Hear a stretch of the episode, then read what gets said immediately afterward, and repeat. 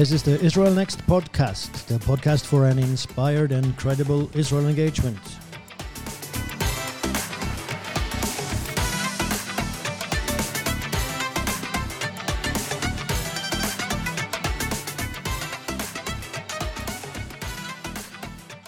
And I am Roar Sørensen, and in studio with me I have Alette Sørensen. Same procedure as every year. And um, today I, I wanted to share some thoughts with you here in the beginning because um, I've been thinking, uh, I have a lot of friends, and Alette, you also, we have a lot of friends down in Israel.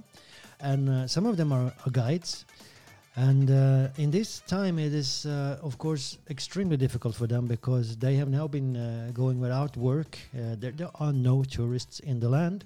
Uh, the, the sites are empty, the buses are empty, they are standing still, and uh, the guides are without work and without income. And um, so, uh, of course, when you know people and you know how this affects them, it, it really, your heart uh, goes out to them.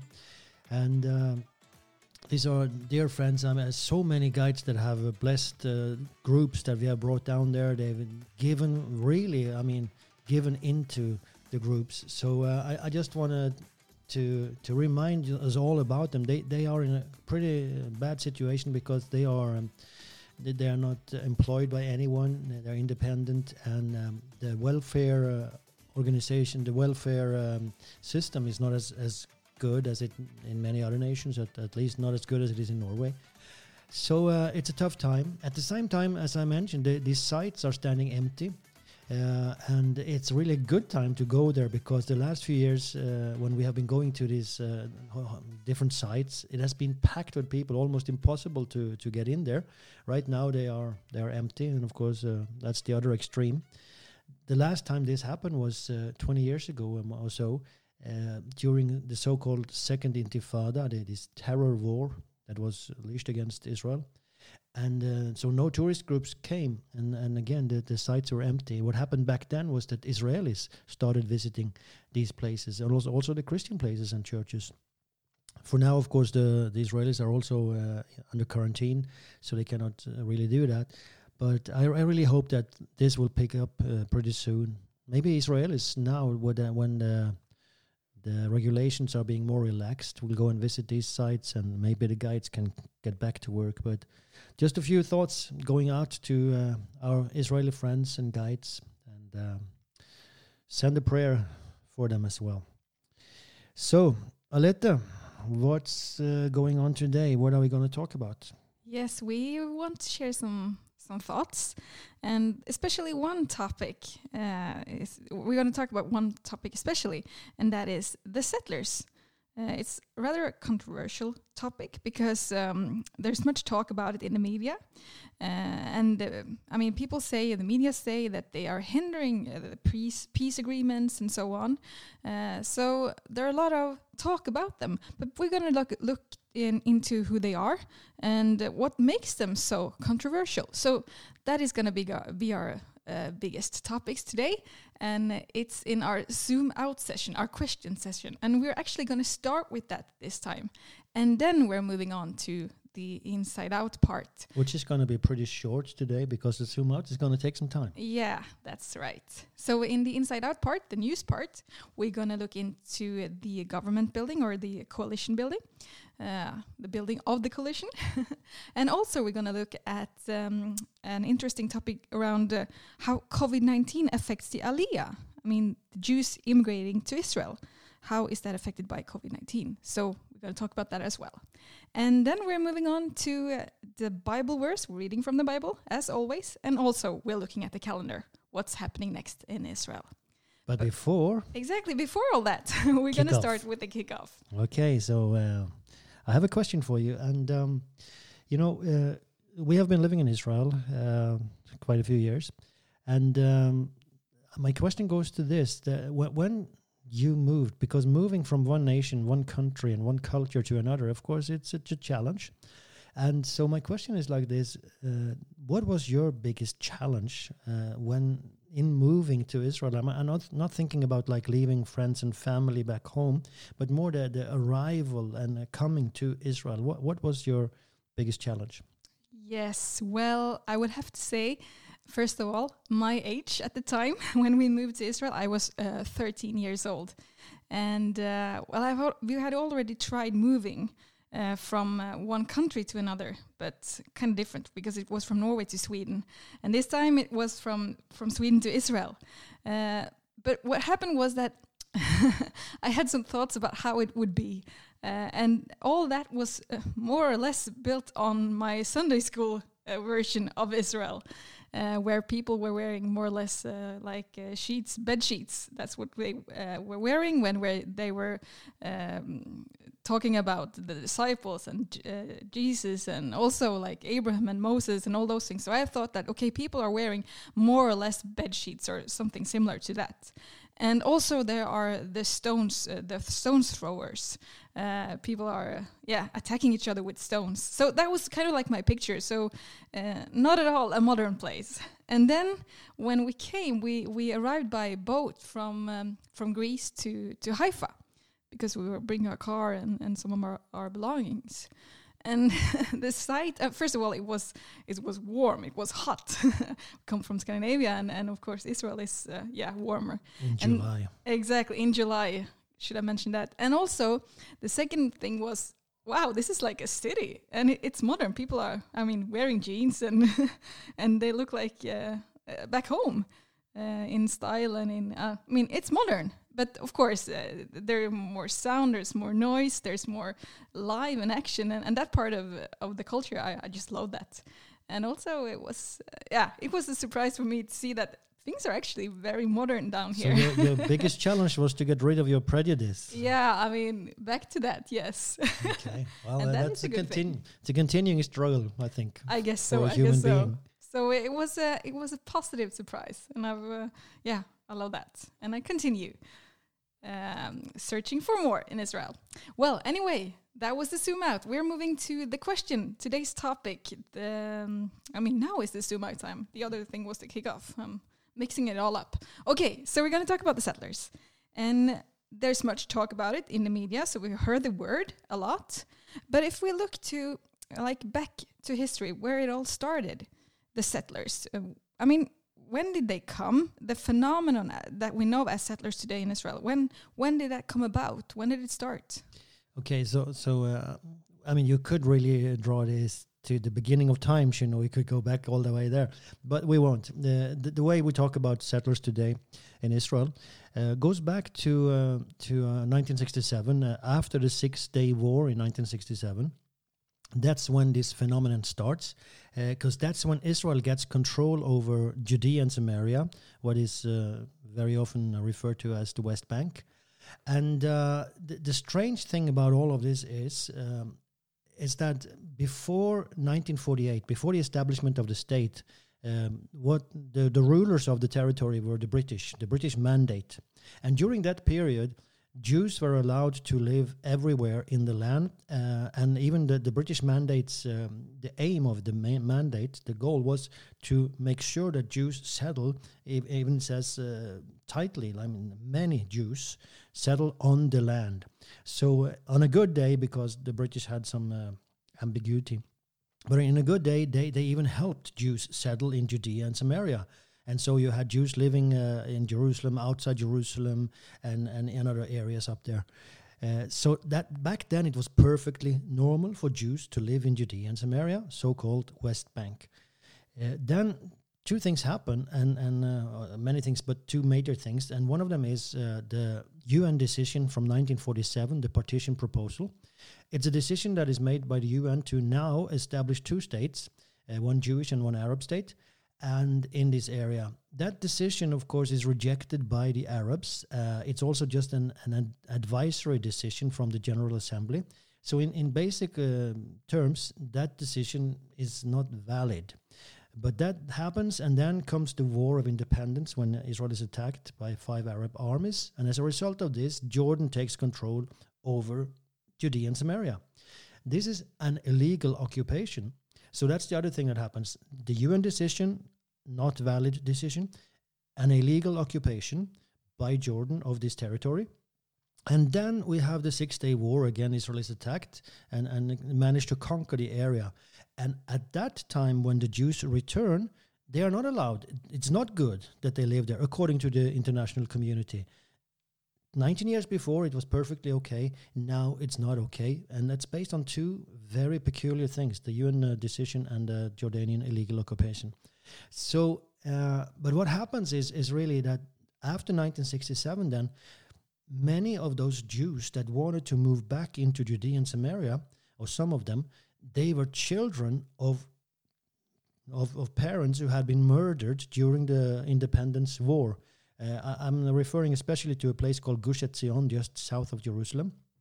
And then before 1948, there was a, a Jewish uh, community there. And um, during the war, they fought against the Jordanians. And uh, in the end of that battle, the Jordanians come and they massacre everyone that is left. Uh, no, but the parents, the children had already been sent away, so sent to Jerusalem, so they they were saved. And then for these 19 years of the Jordanian uh, occupation, these children were, were, growing up, and they were standing in the southern parts of Jerusalem and looking towards Gush Etzion, where they, their parents had been living and been murdered. And they say, one day we're going to return. In 1967, this can become a reality because Israel is in, again in control of the uh, territory. But at, at that point, they are not allowed by the international community. But slowly, slowly, this begins to, to pick up speed. And, and so today in Gush Etzion, there's, a, there's many settlements, many Jewish communities in that area. But that's the, the start of it uh, after the Six Day War. Okay, so you talk about Judea and Samaria. Can you say something more about geographically where are the settlements located? I mean, are there special centers or and also something about the sizes of them? Yeah. Uh, in total, there is um, some 460, 70 uh, Jewish settlers. And, and again, we can talk about the term later. It's, it has a negative connotation, but uh, that's in total in Judea and Samaria. Settlements. Yeah, 470,000 settlers. Settlers, ah, yeah. Okay. Um, there is something like uh, 130 settlements and another 120 outposts, like tiny, tiny settlements that are illegal, even according to Israeli law. We won't go into all the details here. But um, so, so 470,000 Jews are living in Judea and Samaria. And um, they are living mostly uh, very close to the green line. And, and uh, you will remember that the green line is the, the, kind of border towards Israel, proper Israel, that is uh, recognized internationally. So just across that green line, it's where you have Gush Etzion, Ma'ale Adumim, uh, Modi'in Illit, uh, Beitar Illit. You have a lot of, of these big um, towns, really, because you have 30,000, 40,000 inhabitants in some of them. Uh, so all the big uh, settlements or, or, towns, Jewish communities, they are there except for one. There's one big one that is deeper inside, and that's Ariel. Uh, Ariel is deep inside Samaria. But so in general, the the major part of the settlers they live very close to Israel because it's it's uh, very comfortable because they often have work inside Israel in Jerusalem, in Tel Aviv, and so on. So then, as you come deeper inside to uh, Judea and Samaria, you have the smaller settlements, um, and some of them are like just a family or two, and and others are like towns of 3,000, 4,000 villages like this. Okay, so when we talked about the history, you mentioned that uh, the fact that their parents have lived there before was one reason why they came back and settled the place. Uh, but why does one become a settler? Like today, what what are the reasons for becoming a settler? So, uh, especially from the beginning, the, the main reason was uh, it was religious, it was ideology, and very often these two go hand in hand, um, religion and, and ideology. Uh, because you you know that this is the the homeland of our fathers Abraham Isaac and Jacob and then the 12 tribes and so on uh, the heartland of the Bible so that's that was the main reason in the beginning uh, and then of course um, as these um, these big uh, towns that we have now very close to the green line started to develop people realized that it was cheaper to live there it becomes like a suburb of Jerusalem suburbs of Tel Aviv although from Tel Aviv it's further. But it becomes like a place where you can can live and dwell, but you work inside uh, one of the big cities. So economically, it is it is fitting for you. It is comfortable, and um, that, that so that's a reason why many uh, many settlers are living where they are right now. But of course, the deeper you come into Judea and Samaria, the more ideologically motivated, the more religious uh, settlers you will find. So uh, that that's the basic uh, outline, and and you have also settlers done in, in, all categories, like from secular to religious. So you have those that are completely secular, uh, maybe for financial reasons they they live uh, just across the green line, and you also have a very few that are only ideologically motivated but not religious. But very most often those things go hand in hand. All right. Okay, now that we know a bit more about the settlers, um, let's look at the the fact that makes them so controversial. Um, people are saying, or the media are is saying that uh, they are hindering the peace agreements or peace process. And what do they mean by that? And like, why is the world against settlements or the settlers? Yeah, um, just to, to take like the, the word itself, settler, uh, it's not uh, unique for use uh, only in Israel. Uh, it was used by um, about those Norwegians and Swedes and uh, Europeans, Irish, British, who moved to um, to the United States, to the Americas in the 1800s. They were settling uh, a new land. But if you look at this word in, in dictionaries, you you will see that they um, they have uh, it has a negative connotation, and uh, so that that is the um, like it talks about a person who is moving from his uh, the land where he was born or the area where he was born to another country to another area to live there, and the implication is that there was somebody else living there from before. So you are kind of a colonizer. So that that's the negative uh, thing with the word, uh, and uh, in Israel there are two words for this for for the for the term settler. One is mitnachalim, and and one is mityashvim. And the word mitnachel, mitnachalim, is, is has become uh, more a negative now. It, it, it, they are not. It's not used so so very often, and if it's used, it's used sometimes in a derogatory way. But it goes back to the biblical term nachal, nachalot, which is which is the, the land of inheritance. So it, it really connects you to to the, the, biblical term, the the land of inheritance that they were given, the promised land. Mityashvim comes from the word to sit. So there you really have the word settler, but that has become the more acceptable right now in Israel. Uh, anyway, that, so that's the background to, to the name, and now I forgot your question. Well, what makes them so controversial? Why is the world against them? yeah, so so that's the thing, and and, and again, it goes back to what I um, how I started this thing that today, after the Six Day War, the international community considers Judea and Samaria to be belong to a Palestinian state, a state that has never existed, but but that should exist according to the international community. So um, they do not consider this to be Israeli territory, and therefore everything um, that Israel does, more or less, is illegal, and especially settling people there. Uh, so in in the in the world that that's that's why uh, settlers are so controversial in the in the world community, international community, and uh, it it it's strange because just 20 years before the settle settler phenomenon started, it was perfectly okay. But then the world decided, the international community decided that it, now it's not okay. This is not Israeli territory, and that's why they are so so controversial. Okay. Um, you talked about the uh, words, different words in Hebrew for settlers and settlements. Uh, I want to ask you about how are the settlers treated in Israel, like eternally? Uh, what does the opinion say? I mean, what do people think about them? Yeah. And and uh, this is again, the, you know, uh, do you often? I often get this question: What do Israelis think about this and that?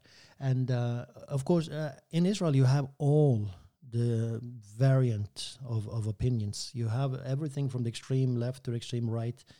Um, and um, so, in general, you can put it like this that Israel is kind of divided in, in two equal parts when it comes to um, the, the right or the conceived right for Israel to be in this territory, to be in Judea and Samaria.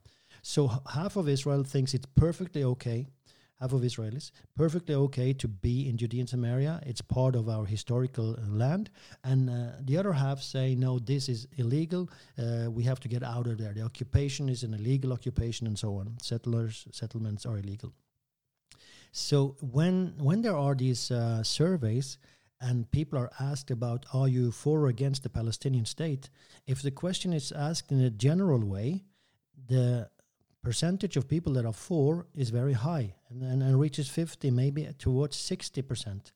But the minute you start to define, okay, this means a Palestinian state means that we will not have control of Hebron, the Jordan Valley, it, will, it will not have, uh, we will not be here, we will not be there, then the support for a, a Palestinian state decreases. So it's fair to say that like half half uh, look upon settlers as something positive and half do not. How about their rights? Do they have the same rights as any Israeli, or um, when when they are attacked and so on, will they be defended? Yeah, I mean, in theory, they, they definitely they have the same rights. They are Israeli citizens uh, in full. There are some uh, special laws that apply to them because they live in a territory that is not uh, considered part of Israel. Uh, even Israel doesn't consider Judea and Samaria part of Israel. It hasn't been annexed. So, um, but when it comes to this thing that has to do with defense and, and security, of course, uh, yes, uh, there are huge uh, efforts that are, are, made by the government to make sure that the settlers uh, are protected, the Jews living in Judea and Samaria. And uh, so th- this is also like a political question in Israel very often. Why should we, uh, from the left side of Israeli politics, wh- why should we invest so much in protecting the settlers? It's better to take them out of there, and we can use that money for other things. But uh, so in theory, yes, they have protection, but in practice, it's impossible to protect. Uh, people, uh, you have, as we mentioned, 470,000 of them, but you have like 2 million Arabs living in the area, and some of them are terrorists, and uh, you cannot control uh, their movements. So uh, there are much more attacks on, of course, on settlers than attacks you find inside Israel.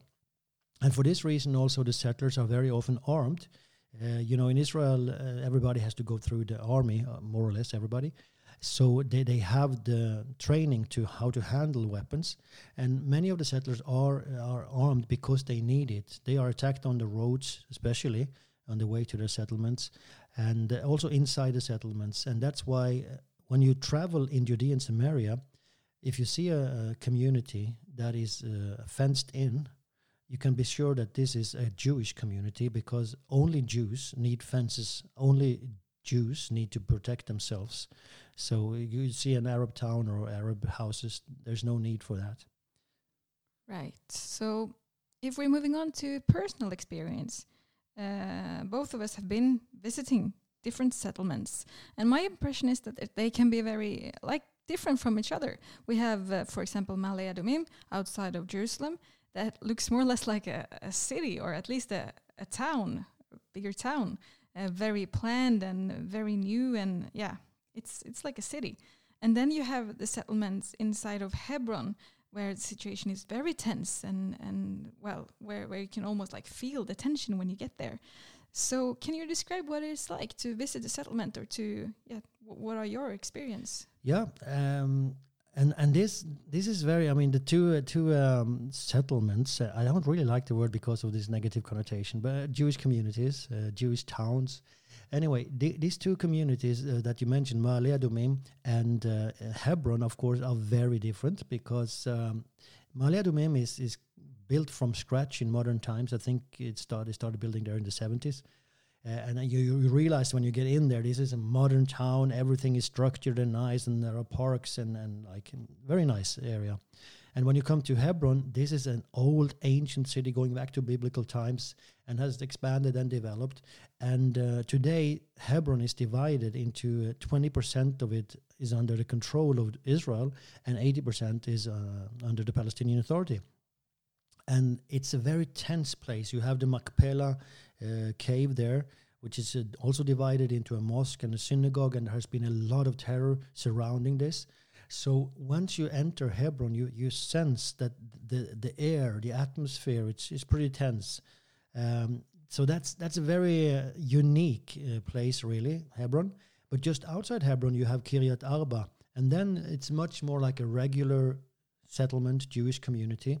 Uh, and uh, so that that's the like where they started when they really returned uh, to Hebron. They started in Kiryat Arba. So today I think there's like four or five thousand people living in Kiryat Arba. Um, so the, the, the, those two are very different. But I want to mention one more, like uh, just to, to take another type of, of settlement community, and that's Esh Kodesh, uh, meaning holy fire. Uh, it's located not far from Shiloh in Samaria, and it's like on a hilltop. Uh, there are, I don't know how many houses, but some 10, 12, maybe more. last time I was there.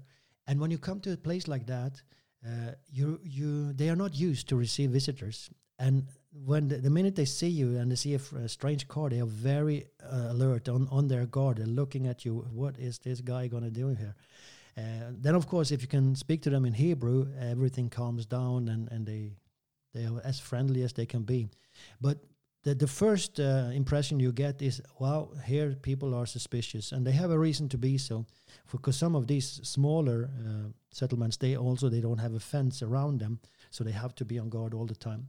But as soon as you can just talk to them it's very friendly it's very warm. And any settlements uh, communities that are more used to seeing other people it's it's a very good atmosphere. People know each other. It's a lot of in intimacy. So um, i really like touring in this area. I, I agree. Okay, so the settlements is an issue that, uh, well, many opinions comes comes from that, and it divides, and it is also controversial. But uh, as a Christian, then, who wants a credible and sound Israel engagement, how should one relate to this issue? I mean, what are what are your thoughts on that? That's a huge question, and um, and, and I mean, when once you go to the Bible, and as Christian, you always have to go to the Bible first. And then I, I don't see, there's no doubt. Uh, the Bible is very clear. Uh, and God says time after another. I'll, I'll read a, a, passage here from uh, Ezekiel 37. And if I find my English Bible, it gets much better. Um, so uh, Ezekiel 37 says like this from verse 21 Then say to them, Thus says the Lord God Surely I will take the children of Israel from among the nations, wherever they have gone, and I will gather them from every side and bring them into their own land. And, and I, I mean, pay attention to the phrase, their own land. It's not, it doesn't belong to anyone else according to the word of God. I will make them one nation in the land on the mountains of Israel and one king shall be king over them. They shall no longer be two nations, nor shall they ever be divided into two kingdoms again. So um, the context here, of course, is the end of times and so on. But um, you, see, you see, God uses this word Israel, and, and for him, there is no doubt that this is the land that I've given to the Jewish people. So that has to be our point, point of departure. And so when we look at this situation uh, in in, in the big picture, uh, as as Christians, uh, we we have to. Um, uh, for my own part, I cannot accept a program that's that says we need to divide this into a Palestinian and a Jewish state. We need to take the land that is now uh, under control by the Jews, although it has not been uh, annex annexed. But Jews are there and they control the land. We will need to take it away from them. I, I cannot like uh, approve of that because I, it's not the way I understand the Bible. Now, if that would be a political decision in Israel to do so, of course, I have I have nothing to say, and that's a that's a big um, uh, note to to pay attention to. Uh, I can have my opinions and my ideas, the way I understand the situation out from the Bible, but also based on uh, international law and based on moral uh, arguments and so on. The Jews have a strong claim to this area. They have the right to the area. But I'm not the one to tell Israel how to behave in this because I don't have to live with the consequences. If if they uh, and this goes into um, what is going on today, annexation. The Trump uh, administration has said that they are for Israel annexing parts of Judea and Samaria. But what will happen if, if they do? no, there's no doubt in my mind they have the right to do it, and and there's I, I really hope they will do it, but it's not my place to say them to do it because there are consequences, and we don't know what will happen with the peace agreement with Jordan, the peace agreement with uh, Egypt, or even uh, with the Palestinian Authority that might collapse uh, completely, and what will be the result of all these things. So so we let Israel decide the, their own fate uh, and we, of course we pray. And another thing we can do, I mean, we definitely should pray. God, the Bible is very clear about this. Uh, another thing we can do is to provide the arguments for Israel's rights, because when we go to society in general today, the arguments that are provided in our media are all almost against Israel against Israel's claims to this area, but there are so many good arguments for Israel's right. And as I said, historical, uh, according to international law, according to moral, according to human, human humanitarian arguments, and of course the biblical. So let us bring these into the debate, and um, in that way help uh, give legitimacy to to Israel and to Israel's uh, claim for this area. So I mean, th- this is a big question. And and there's one more thing that we also need to to uh, keep in mind, and that is, yes, we are at least I am uncompromising on the fact that this is the land of Israel, it belongs to the Jewish people. But at the moment, there is also uh, there are Arabs living there, and they also have rights.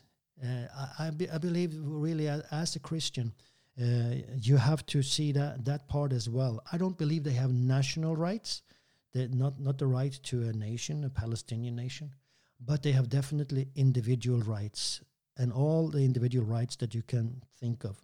So um, let us uh, manage to have two thoughts in our head. We are uncomprom- uncompromisingly for Israel's rights, but we are also uncompromisingly for human beings and uh, and their individual rights.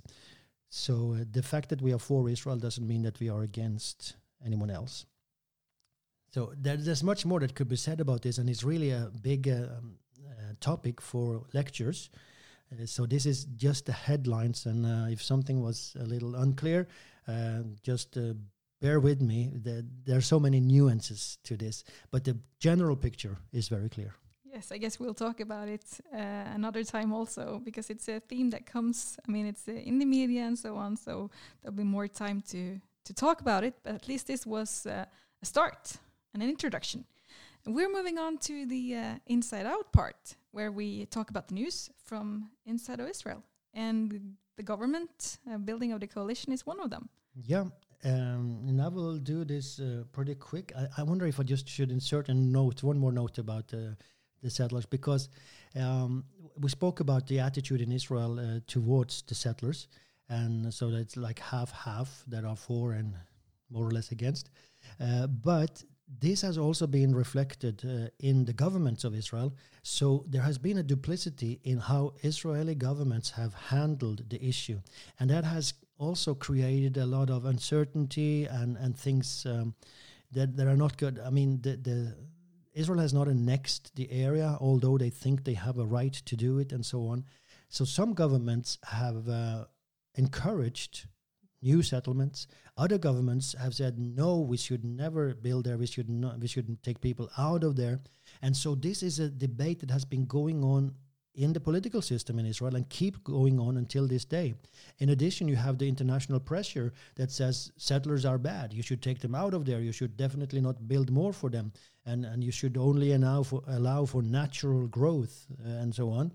And so many attitudes uh, and so many nations that have an opinion on how Israel should uh, behave there. And also, as I said, inside Israel itself, different opinions. So, this is really a complex situation that Israel itself hasn't found a good answer to. And uh, that's, uh, that's also something we need to, to keep in mind. Uh, but, as I said, pray for Israel and also give provide the arguments that are for Israel. It really, it goes back to our call to action that we always come back to. Say something good about Israel, and something good in this context is give people the the claims that Israel has for this area. And also come and visit the places. Definitely, yeah. Come and visit the places. That's also very good. I mean, it really encourages the people that are there And uh, I, I mean, I mean, had so many good talks with uh, with local settlers over there. All right, take two then. Inside Out and the news. Yes. So we're going to talk a, a little bit about uh, the government building, and not take a lot of time because it's it's really a little uh, confusing the whole situation. And right now, it seems uh, like there might, I mean, the risks for a fourth election has again increased. And that uh, is due to a couple of uh, developments that are taking place, and especially the role, as we have mentioned before, the role of the Supreme Court. So on Sunday and Monday, the Supreme Court will uh, decide on two issues. One of them is will Benjamin Netanyahu be allowed to go for a new term as prime minister, considering he has three uh, court cases coming up against him. Uh, the general tendency in, in that question is that yes, uh, the, they cannot uh, disallow him, they cannot uh, forbid him, um, because the law does allow him. So that that's like the general tendency there. The other question is more um, complicated. That's a decision for Monday, and that is will the Supreme Court accept the coalition agreement between ben- Benjamin Netanyahu and Benny Gantz, Likud and Blue and White. And that is a problematic agreement because we have mentioned this before. There is such a distrust between the two uh, politicians, and really, in inside the entire Israeli political system right now, people have a problem with trusting each other. And because of that, both sides demand a lot of guarantees to make sure that uh, Netanyahu wants to make sure that he really can become a prime minister. Uh, Benny Gantz also want to be sure that when Netanyahu's period of 18 months is over, that he will become the prime minister. And in order to make these guarantees, they are changing laws. And that's always complicated. That's always risky when you change laws for personal reasons and just for these two persons. So um, that that's just two of the things uh, uh, that are part of this coalition agreement, and that that's why it has come to the Supreme Court. So um, personally, I must say like this: I really hope there will be a government, a unity government, because Israel needs it. Uh, but this coalition agreements is is really problematic. So um, I mean, it's just, just choosing between two uh, evils, so to say. But of course, Israel needs this government because of uh, to create stabili- stability in the nation and also to fight the challenge that Israel has. Israel, of course, has the corona challenge, but they also have the security challenges, econ- economic challenges, and so on. So uh, Israel really needs a government now, and they need also the healing inside society. So that was uh, briefly about uh, the government uh, and just the, the time frames for all of this is that uh, we have these two decisions from the Supreme Court Monday, Tuesday. On Thursday, the mandate that uh, really is now to form a government goes out. Uh, if Netanyahu can prove that he has 61 uh, members behind him, Knesset members behind him, he can get another 14 days extension. But otherwise, this ends on Thursday, and then new elections will have to be called for. So that th- those are the time frames. Okay, the second thing I want to mention briefly has to do with Aliyah. Very encouraging news there, uh, and also connected to the COVID nineteen uh, pandemic. Right now, many Jews are interested in making Aliyah, immigrating to Israel. And that has to do with how the different nations around the world, and especially from the Western uh, nations, um, how they have been dealing with this situation. So Jews li- living in these nations, they see how Israel is dealing with it, and they they get confidence in that this is definitely the best place for me to be and my family. Uh, so uh, because of, of the COVID-19, the aliyah has increased. So instead of like last year at this point, Israel had some 6,000 uh, immigrants. And now they have 20,000 that are uh, applying for immigration. And because of the COVID 19, they haven't managed to, to deal with all these applicants, but uh, it's, it's in process. And they are um, suspecting or they are hoping for there will come 100,000 new immigrants.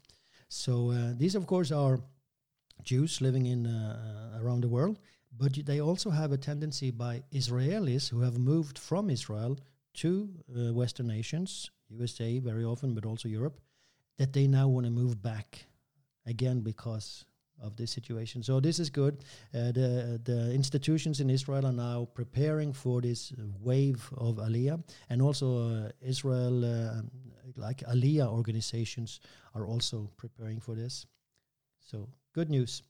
Um, last uh, thing I want to mention is uh, something that only happens in Israel.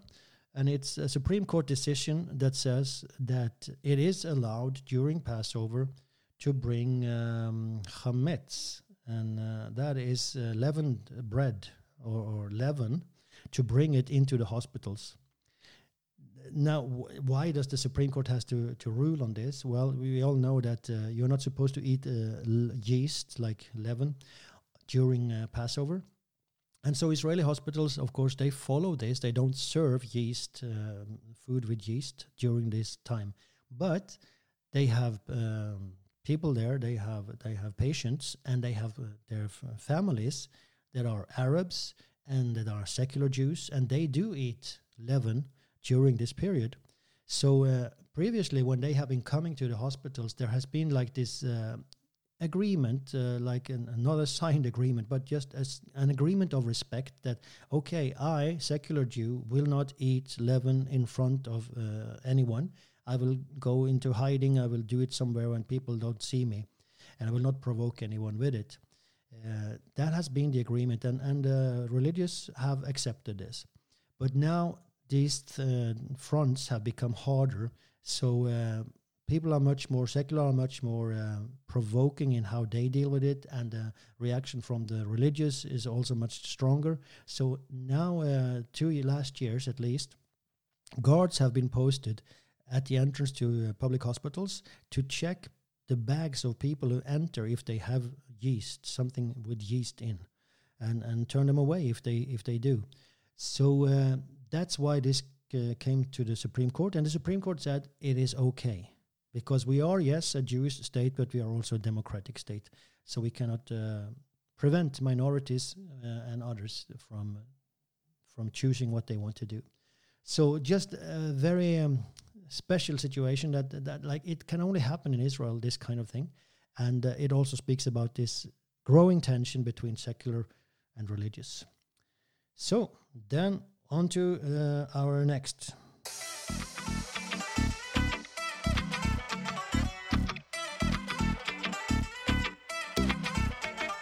Yes, it's time to read from the Bible. And this time we read from uh, Psalms 119 and verse 89 to 90. And uh, there it says, Forever, O Lord, your word is settled in heaven. Your faithfulness endures to all generations. You establish the earth, and it abides. So we serve a faithful God, a God who cares about generations, about the next generations as well. And that is the foundation that we stand on. His word is firm, solid, and everlasting, so we can put our trust in Him and build on His word, knowing that He is faithful. And I just, I love this. It is so strength, strengthening that we can do. I mean, we can do and we should do our part, but God is the one who fulfill His His word, fulfills His Definitely. word. Definitely, yeah, yeah. That's the base of everything we do. I mean, we know that God is a constant. Exactly. So. Uh, Excellent. We're looking at the calendar. This is the last, uh, the la last part of the, the last episode. part. Yeah, and and I'll just briefly mention um, that uh, Lag BaOmer is coming up. Um, it's a Jewish holiday that was um, established, instituted after uh, the biblical period. Uh, the, the, tradition goes back to the second century and uh, Rabbi Akiva, but uh, really the the the phenomenon of celebrating this uh, holiday is known only from the 12th century. But anyway, so the, the story goes like this that um, in the Talmud it's written about Rabbi Akiva, and he definitely was a historical figure. Uh, but it says that he had 24,000 students that during the period that we, that we are in right now, and that period goes back to, uh, to Leviticus where it speaks about from Passover you should count 50 days. So uh, the Jews now are counting these days. Today is tw- day 22, uh, according to their counting. And uh, so they are in this counting, which is called the Omer counting. And uh, Lag BaOmer, uh, Lag means 33. in Hebrew, the letters also have a value, a numerical value. So uh, Lamed Gimel is 33. So something happened on the day 33, and that was the students of Rabbi Akiva. They they were hit by a plague, and 24,000 of them, according to the Talmud, died of this plague. But on the day 33 of the counting, uh, the plague ceased. So that's why uh, the re- the reason they celebrate Lag BaOmer and they they um, they light fight huge um, fires uh, and uh, they, well they dance and they celebrate. There's also another tradition that is connected to it, and it has to do with another rabbi called Shimon Bar Yochai, who uh, wrote uh, a book called the Zohar, and uh, that became the foundation for the Kabbalah.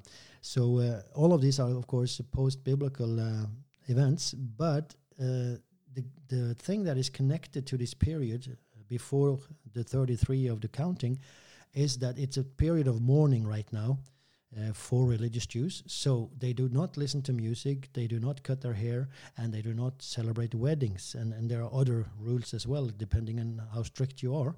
But these are common rules for religious Jews right now no weddings, no haircut, and no music.